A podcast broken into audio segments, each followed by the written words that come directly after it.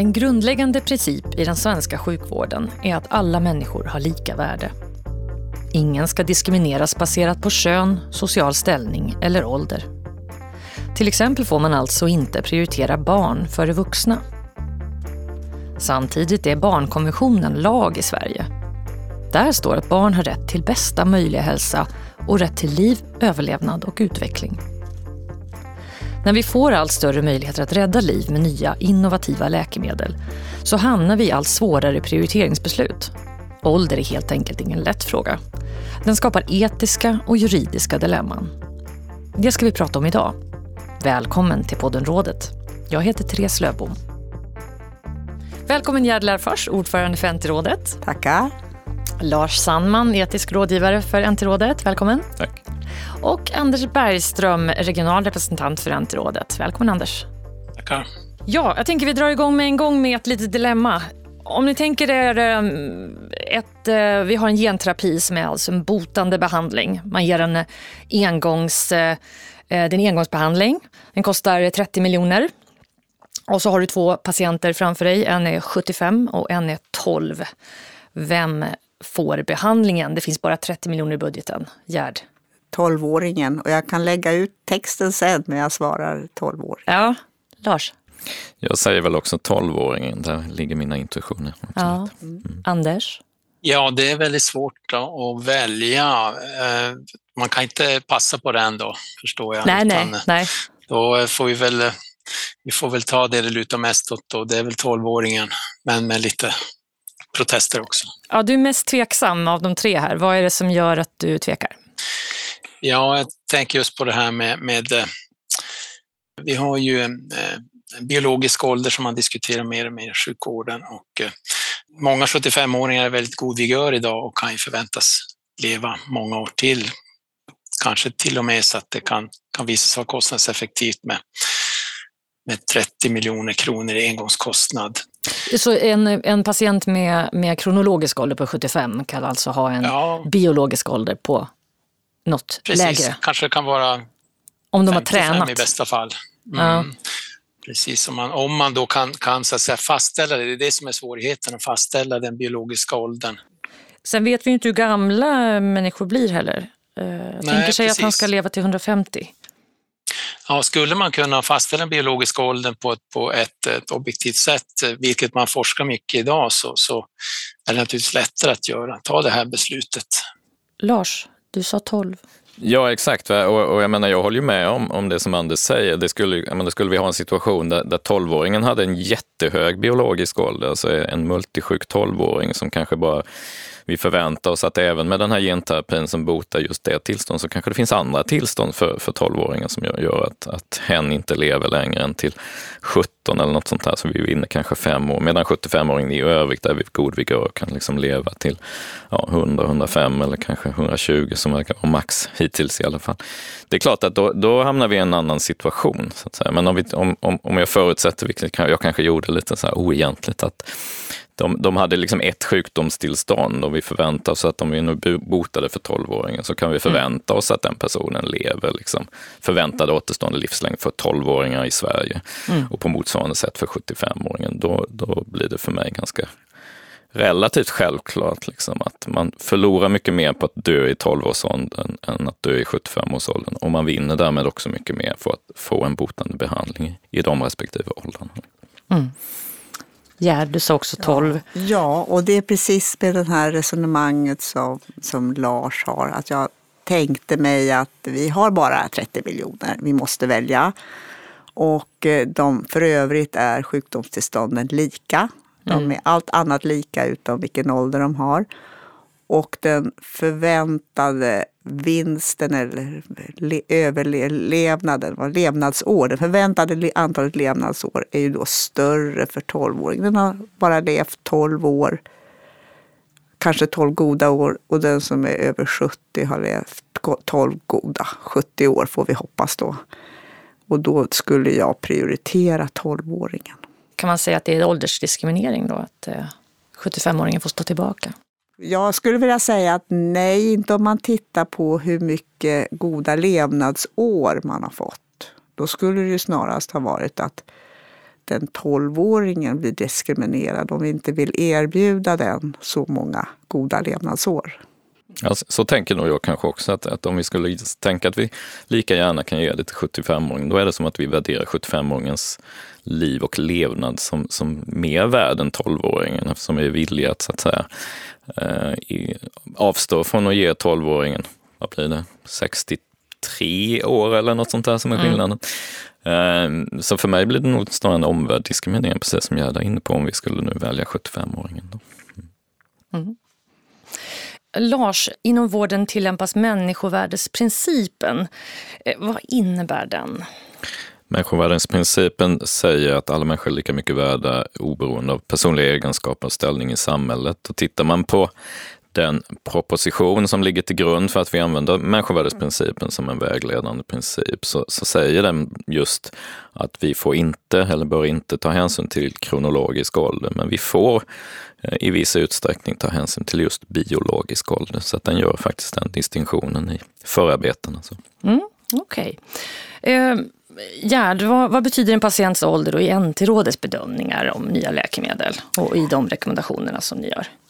Ja, alltså vi har ju Lars med oss då som ska bevaka att vi verkligen inte eh, tänker på ålder utifrån det vi just sagt, det här med att det är bara liksom rena den kronologiska åldern som vi tittar på, utan att vi håller oss till de här principerna. Men sen är det det, vi jobbar ju med läkemedel och läkemedel, eh, där gäller ju det faktum att det har beroende på hur jag har förmåga att både omsätta läkemedel och ta emot och klara av behandlingarna. Det kan också ha olika grad av biverkningar som gör att man i vissa, men vissa andra sjukdomar har väldigt svårt att tolerera de behandlingarna. Och sen kan man säga att själva läkemedlet gör att mm, det har studier, de vetenskapliga studierna som vi har att titta på, där har man faktiskt tagit bort vissa åldersgrupper av olika skäl. Och det gäller även att många eh, studier inte inkluderar barn till exempel, vilket gör att det inte finns med. Och så kan man ofta ha en övre åldersgräns. Mm. Och det här gör ju att liksom ålder ändå kan nämnas, men då inte utifrån värderingen av den kronologiska åldern utan för vilka, vilka, håll, vilka data vi har, vilken vetenskap vi har för att faktiskt kunna rekommendera de här behandlingarna i olika situationer. Mm. Så mm. då kommer frågan upp och kan nämnas liksom i våra rekommendationer. Och vi har ju nämnt människovärdesprincipen, men jag tänker också, det finns ju andra eh, principer som, som de här besluten vilar mm. på. Kan vi säga någonting om det? Jag tänker, ålder vägs ju ändå in på, på vissa andra principer, visst är det så? Ja, de, delvis kanske man kan säga så. Vi har ju då behovssolidaritetsprincipen som säger att det, de patienterna med de största behoven ska ha en större andel av resurserna under förutsättning att vi kan så att säga göra någon nytta för de patienterna eller eh, åstadkomma patientnytta. Där, där finns det väl inte någon sån tydlig liksom koppling till ålder. Vi bedömer ju inte, och det tänkte jag vi kanske kan återkomma till, men i Sverige bedömer vi ju inte svårighetsgraden hos ett tillstånd baserat på ålder egentligen. så. Däremot så när vi tittar på kostnadseffektivitetsprincipen som är den sista principen, då, eller den tredje principen som ska vara underordnad de andra, så, så säger den ju att vi ska åstadkomma någon slags rimlig relation mellan de kostnader eller de resurser som vi använder för en behandling och den nytta vi gör för patienterna. Och det är klart att om, om vi sätter in en behandling för en yngre ålders en, en, en, en patientpopulation som har i, i genomsnitt en yngre ålder så, så kan vi ju vinna mer, så att säga. framförallt om det handlar om att förlänga livet. För, för tiden kvar att, att liksom faktiskt påverka patientnyttan blir ju så att säga längre. Så där kan du komma in indirekt då i den kostnadseffektivitetsbedömning eh, som görs av ett läkemedel till exempel. Så där kan, kan ju ålder så att säga indirekt påverka. Och sen är det väl också så kanske jag får modifiera mig lite när vi pratar om svårighetsgrad. För det är klart att eftersom vi väger in varaktigheten hos ett tillstånd, alltså hur länge det påverkar, ett, ett tillstånd som påverkar liksom en längre tid av livet kan ju anses kanske då som svårare. Alltså på det sättet kan ålder i någon slags indirekt bemärkelse komma in. Men, men inte på det sättet att vi kvantifierar det eller, eller säger liksom sådär att ja, men jag har haft det här tillståndet sedan jag var tio år och sen så säger vi att ja, någon har haft det sedan de var 15 år och att vi då skulle göra någon slags skillnad mellan det. Så att säga. Det är väl värt att nämnas här att eh, ni tittar inte på individuell ålder, eh, alltså en patients ålder. Gerd, vill du utveckla nej. det? Ja, nej, men det är ju, vi tittar ju på grupp gruppen, sjukdomsgruppen. Och det är ju rimligt eftersom vi liksom ska se på helheten och det finns en variation på individnivå både vad gäller möjligheten att liksom tåla en behandling och nyttan utav den. Så det är klart att det måste vara på gruppen. Men det här sätts ju lite grann på sin spets. Eller, alltså det måste ju ändå, vi börjar ändå diskutera det om gruppen ser väldigt, väldigt olika ut. För då måste man ju fundera på om svårighetsgraden och hur mycket den medicinska nyttan är skiljer sig väldigt mycket åt vilken form av sjukdom man har. Alltså hur mycket får vi då gradera eller dela upp eh, värderingen och då kanske det blir utifrån ålder, kan vara en perspektiv, men det kan också vara hur länge man har haft en sjukdom. Mm. Och det kan ju vara andra faktorer som faktiskt gör att det skiljer sig åt fast man har samma diagnos. Det finns undergrupper. Liksom. Just det. Och då, då blir ju NT-rådet, och det är i andra sammanhang också, att då måste man kanske gå in på lite mindre delar eller mindre subgrupper som vi kallar för en, en gruppering. Och då kan vi inte varken värdera svårighetsgrad eller effekt på hela, hela på helhetsnivån. Liksom tänkte på det, i, i slutänden så, så blir det ju ändå den enskilda individen som där behandlande läkare står inför ett beslut så att säga. Så att även om det är en grupp, eh, gruppnivå vi diskuterar i NT-rådet så, så, så blir, kan det bli etiska dilemman för den enskilde läkemedelsförskrivaren då till exempel. Så att, eh, just det, ja, men berätta det, om det. är viktigt just att belysa den här, den här delen Eh, ja, man kan säga eh, om du väger, du har, du har två patienter framför dig. Den ena ska ha en, en läkemedelsbehandling men, men har en, en högre ålder. Mm.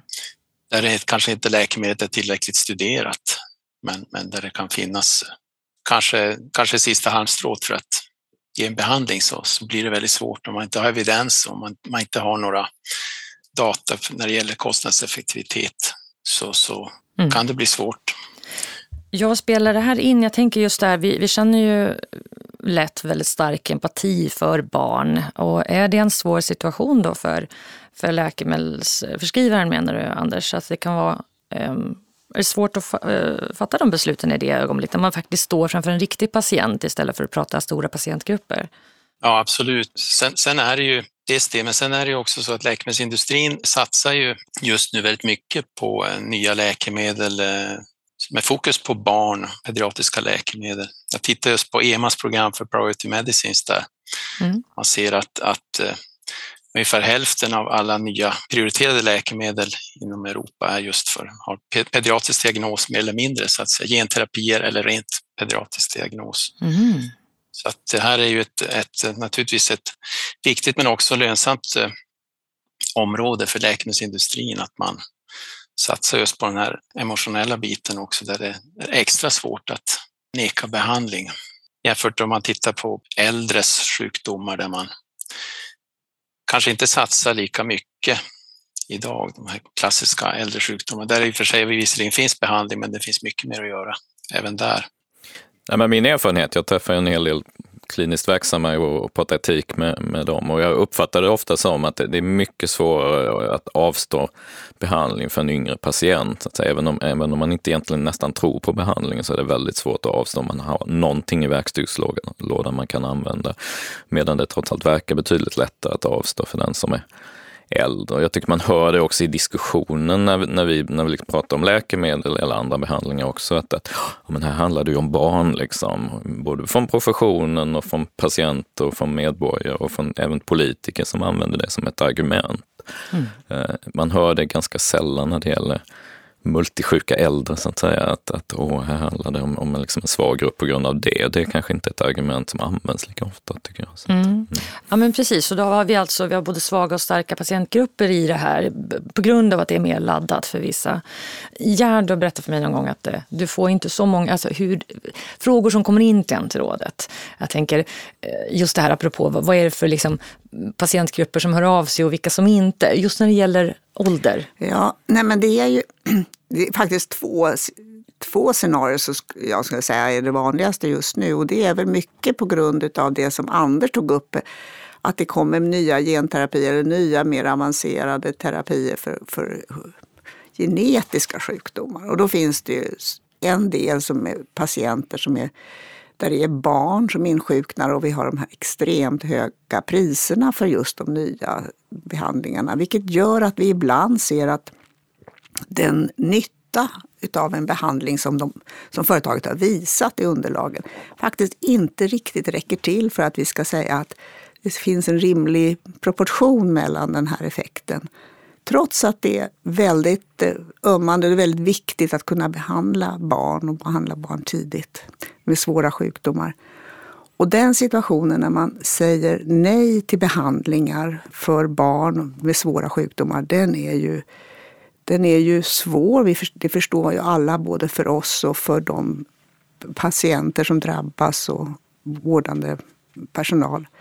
Sen har vi den andra gruppen och det är just det att de här terapierna som jag nämnde så kan ju sjukdomsgruppen se spreta väldigt mycket. Alltså det kan vara olika svårighetsgrad och de här nya mer avancerade behandlingarna de är ju tänkta för att man ska kunna ge dem när de har en viss effekt. Och vissa genetiska sjukdomar så gör åldrandet i sig att man inte uppnår samma effekt. Och då betyder det att vi säger nej till äldre patienter därför vi ser att effekten är inte lika stor i den gruppen.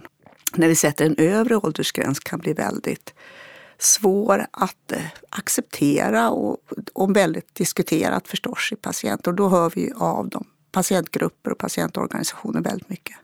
Just kring det här, varför har vi sagt nej eller varför drar vi gränsen vid den här åldern när man har en svår sjukdom?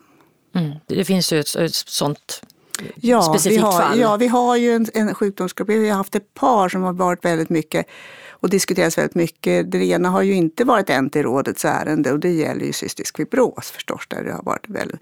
Men vi har ju, ärenden, vi har ju en, en rekommendation som gäller en patientgrupp som heter SMA eller spinal muskelatrofi. Och vi har i en tidigare podd tror jag tagit upp just den här sjukdomsgruppen och där har vi ju väldigt Eh, kostsamma läkemedel och sjukdomsgruppen ser ganska olika ut beroende på vilken ålder man har eller vilken form man har.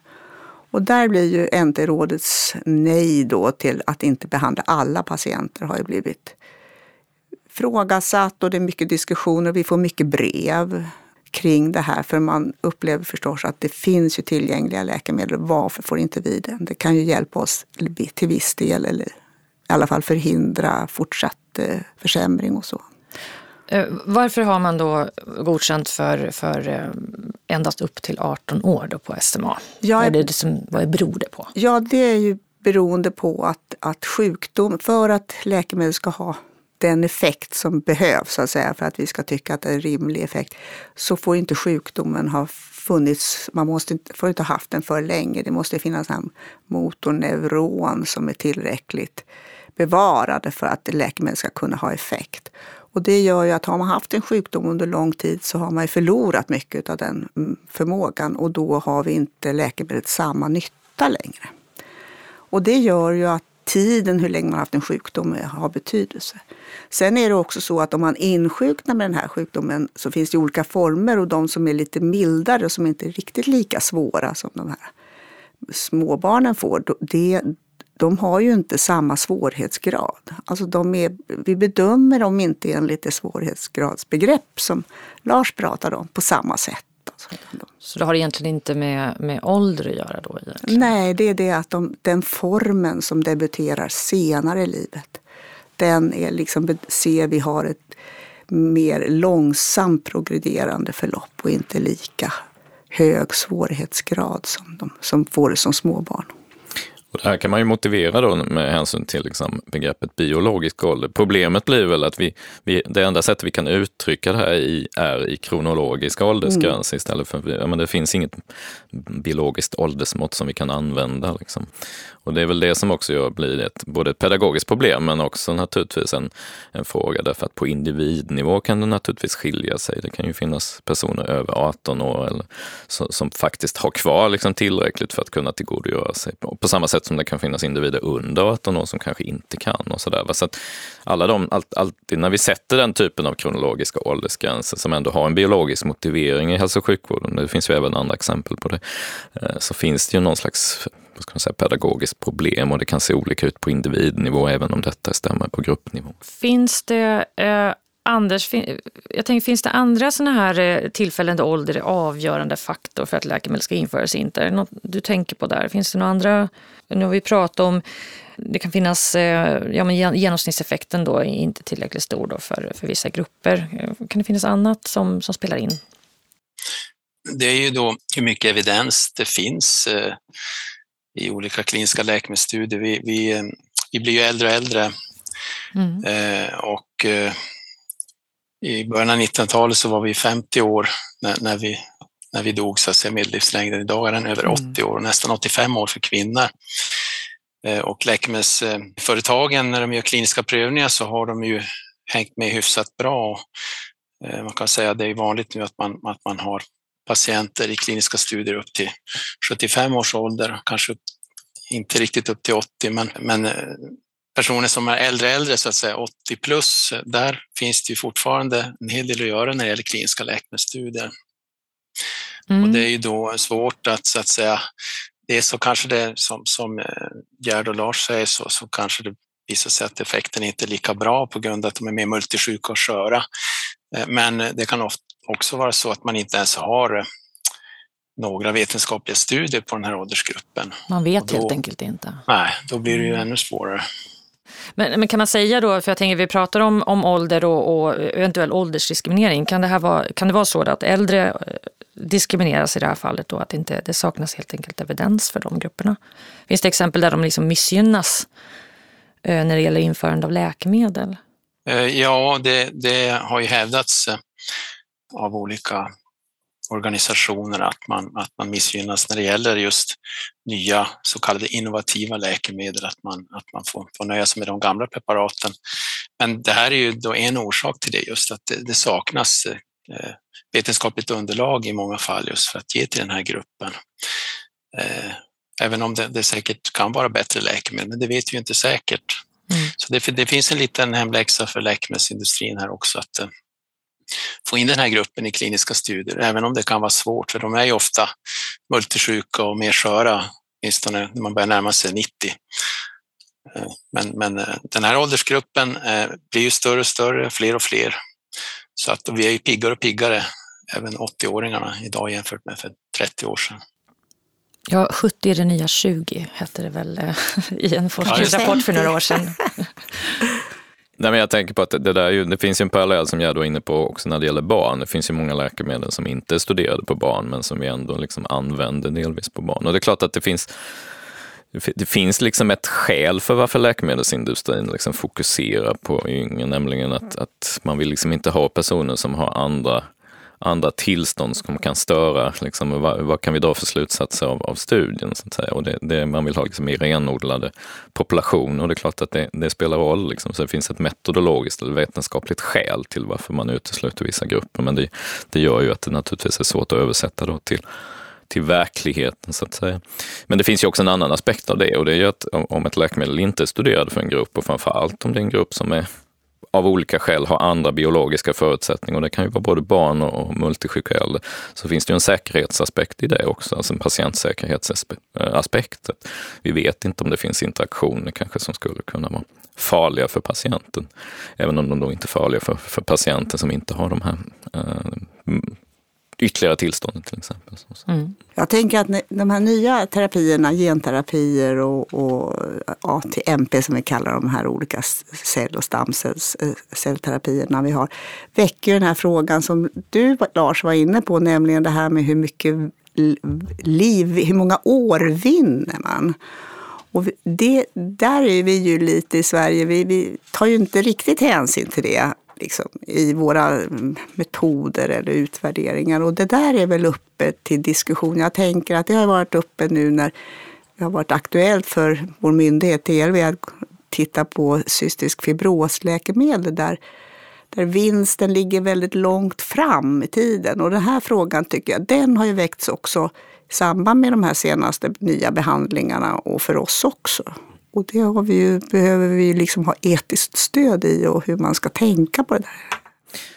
Och det där är väl en intressant fråga därför att eh, som, som vi sa innan så har vi liksom 19, i mitten av 90-talet tagit ställning för att kronologisk ålder eller ålder skulle liksom inte spela roll utan det är snarare den biologiska åldern i vissa sammanhang.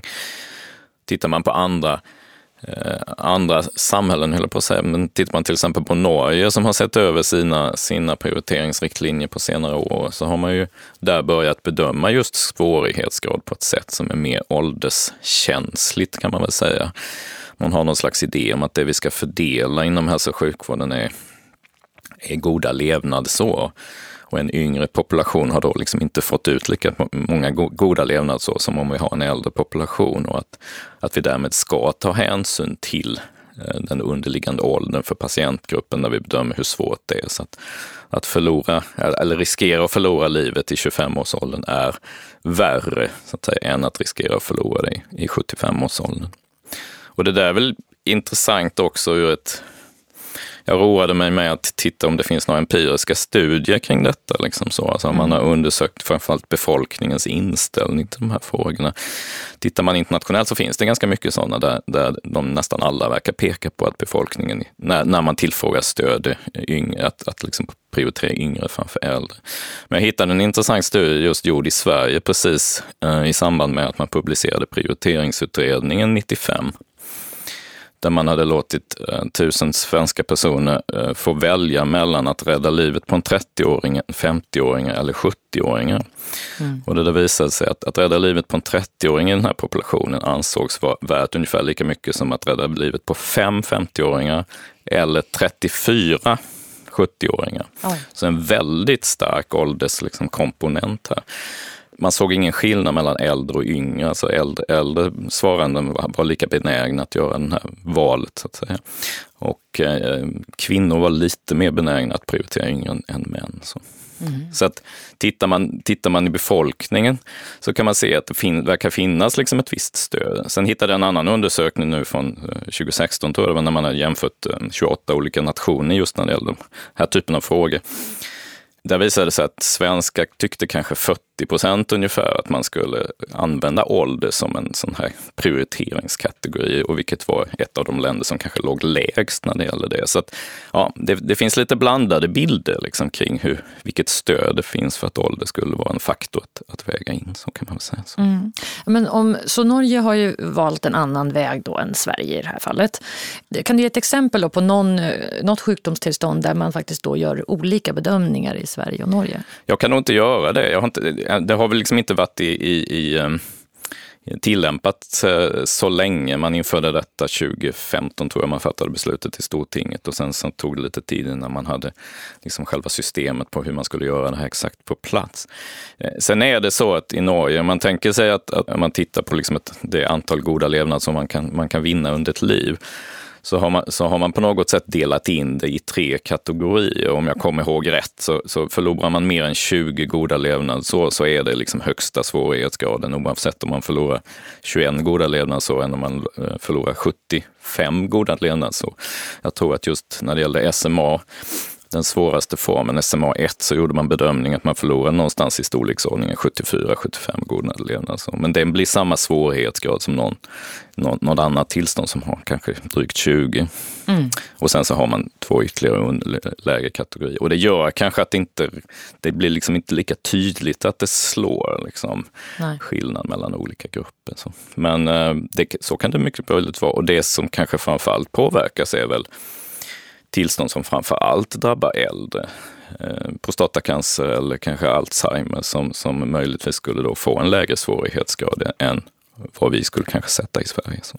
Okay. Just det här med vår medellivslängd ökar ju, ligger nu strax över 80 år och eh, med fortsatt god livsstil och kommande läkemedelsbehandlingar så, så är det ju inte helt old science fiction att tro att vi snart kommer att ha en ganska stor grupp eh, personer som ligger kanske 110-120 år gamla och, då att diskutera goda levnadsår, att man inte så att säga, kanske kan sätta in en, en behandling då till en person som, som börjar närma sig 100 just för att man inte har tillräckligt många levnadsår som, som man diskuterar i Norge. Det är ju, det kan man, kan man diskutera en hel del om. Jag kan tänka mig att eh, den här eh, undersökningen, Lars, som du Eh, vissa tider man frågar svenskarna. Man undrar hur gamla var de här personerna som fick frågorna? Vad var medelåldern och hur, hur, hur så att säga, många av dem var över 75 år till exempel.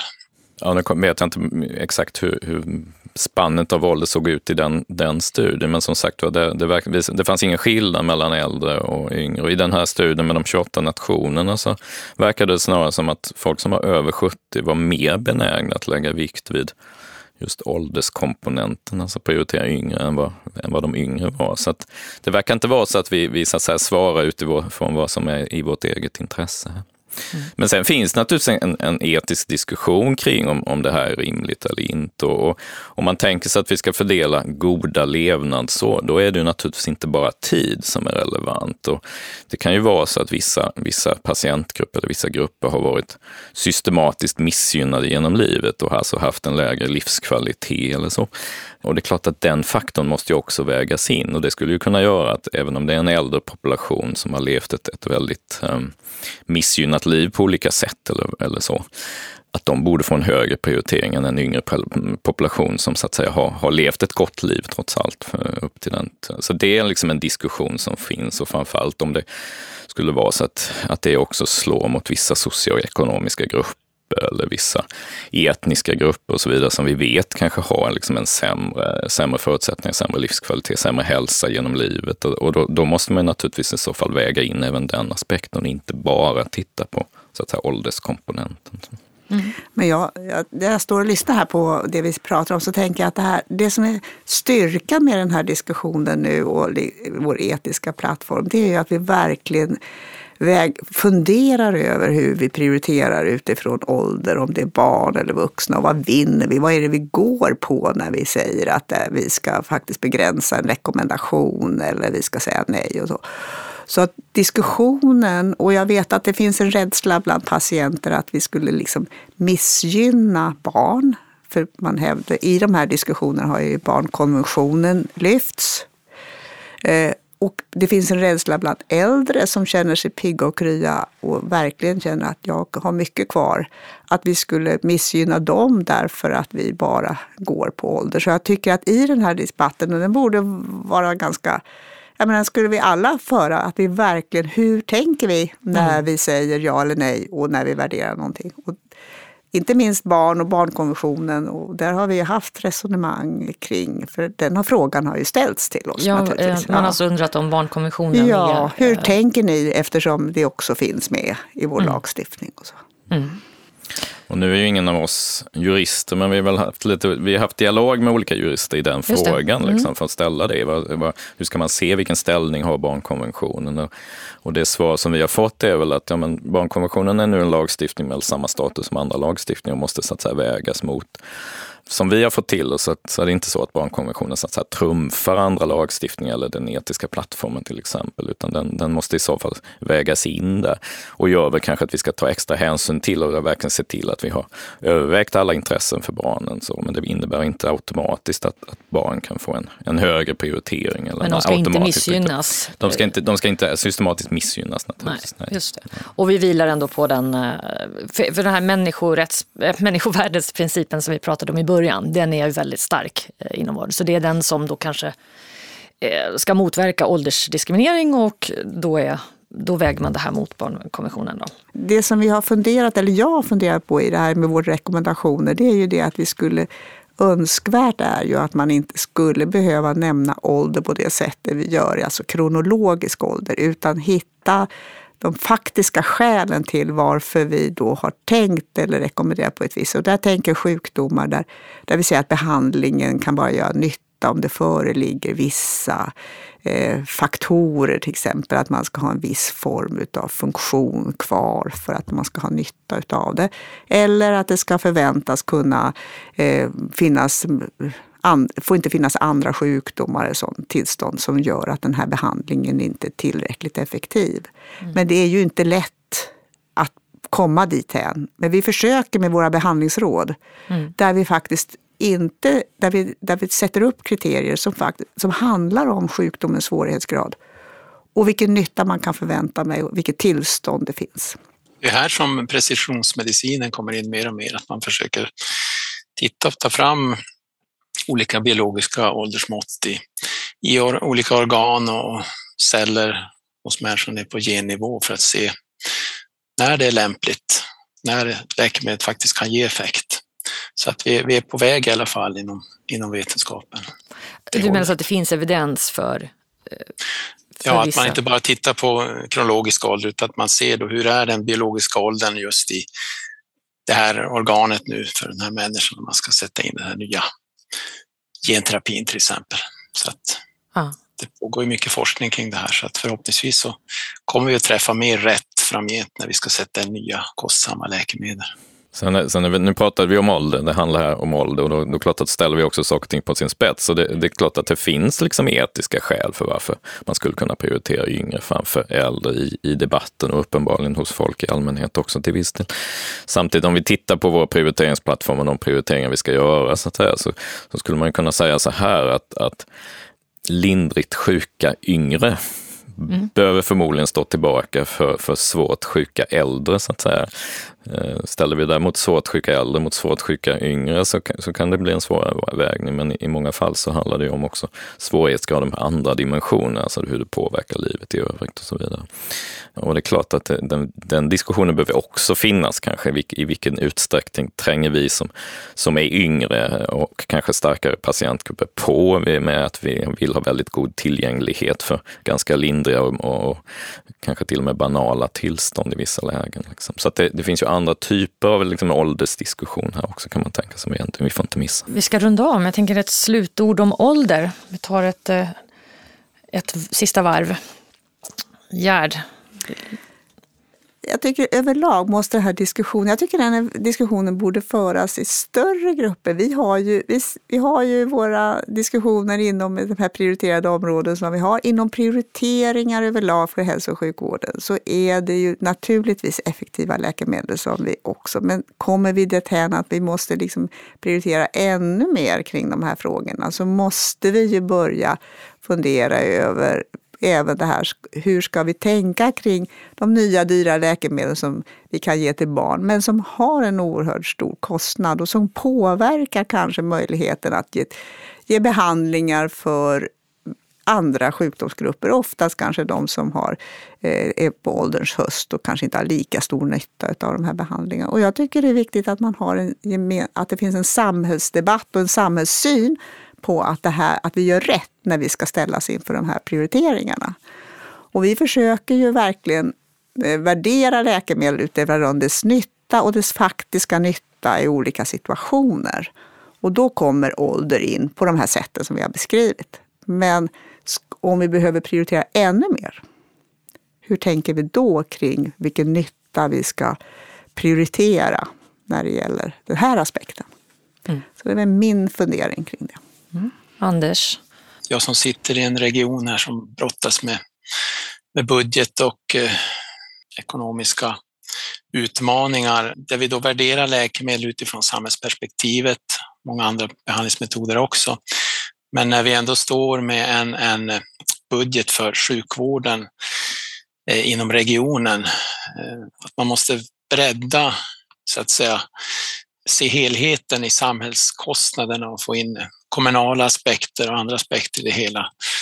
Så att man, man får en, en, en möjlighet att flytta budgetar och eh, ekonomiska incitament över, över gränserna mellan kommun och region till exempel, så att man inte skapar sådana här undanträngningseffekter som det kan bli av en väldigt kostsam behandling där en, en part får betala mycket men den andra tjänar på det, att man kan, kan hjälpa varann. Lars? Nej, men jag, jag tänker att det, att det behövs en, en liksom ganska öppen diskussion om ålder. Vi pratade lite om det här precis innan vi började spela in podden, jag och, och Gerd, när jag började med de här frågorna för kanske 20 år sedan, då var det inte ovanligt att man mötte liksom så här, ganska ogenomtänkta åldersgränser, kanske så här 65 år för att få tillgång till en transplantation eller till en behandling eller, eller till och med 60 och sådär. Trots att folk var i gott biologiskt skick. Sen har det nästan svängt så att, så att ålder har blivit så känsligt så att man liksom nästan inte alls vill prata om det och upplever att allt, allt att prata om ålder blir liksom risk att bli diskriminerande. Vilket kanske också leder till någonting som vi inte har pratat om idag, nämligen det kanske sker en hel del överbehandling av framförallt äldre patienter i, i, inom hälso och sjukvården Just på olika det, sätt. Så, det är åtminstone det jag möter när jag är ute och pratar klinisk etik. Men vi behöver ha liksom en diskussion om ålder, både liksom när det gäller prioriteringsfrågan och kanske också göra mer undersökningar bland, bland befolkningen. Hur ser man på detta liksom, om man nu tvingas välja?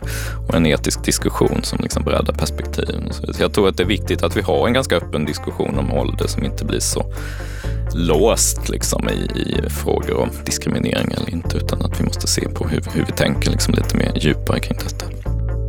Tack så mycket. Det var allt för oss för den här gången. Tack till Gerd Lärfors, ordförande för NT-rådet, Lars Sandman, professor i hälso och sjukvårdsetik och Anders Bergström, nordligaste regionala representanten för NT-rådet. Missa inte nästa delen av podden Rådet. Rådet är en podcast från NT-rådet. NT-rådet ger rekommendationer till landets regioner om hur nya läkemedel ska användas. Information om NT-rådet hittar du på www.ntrådet.se.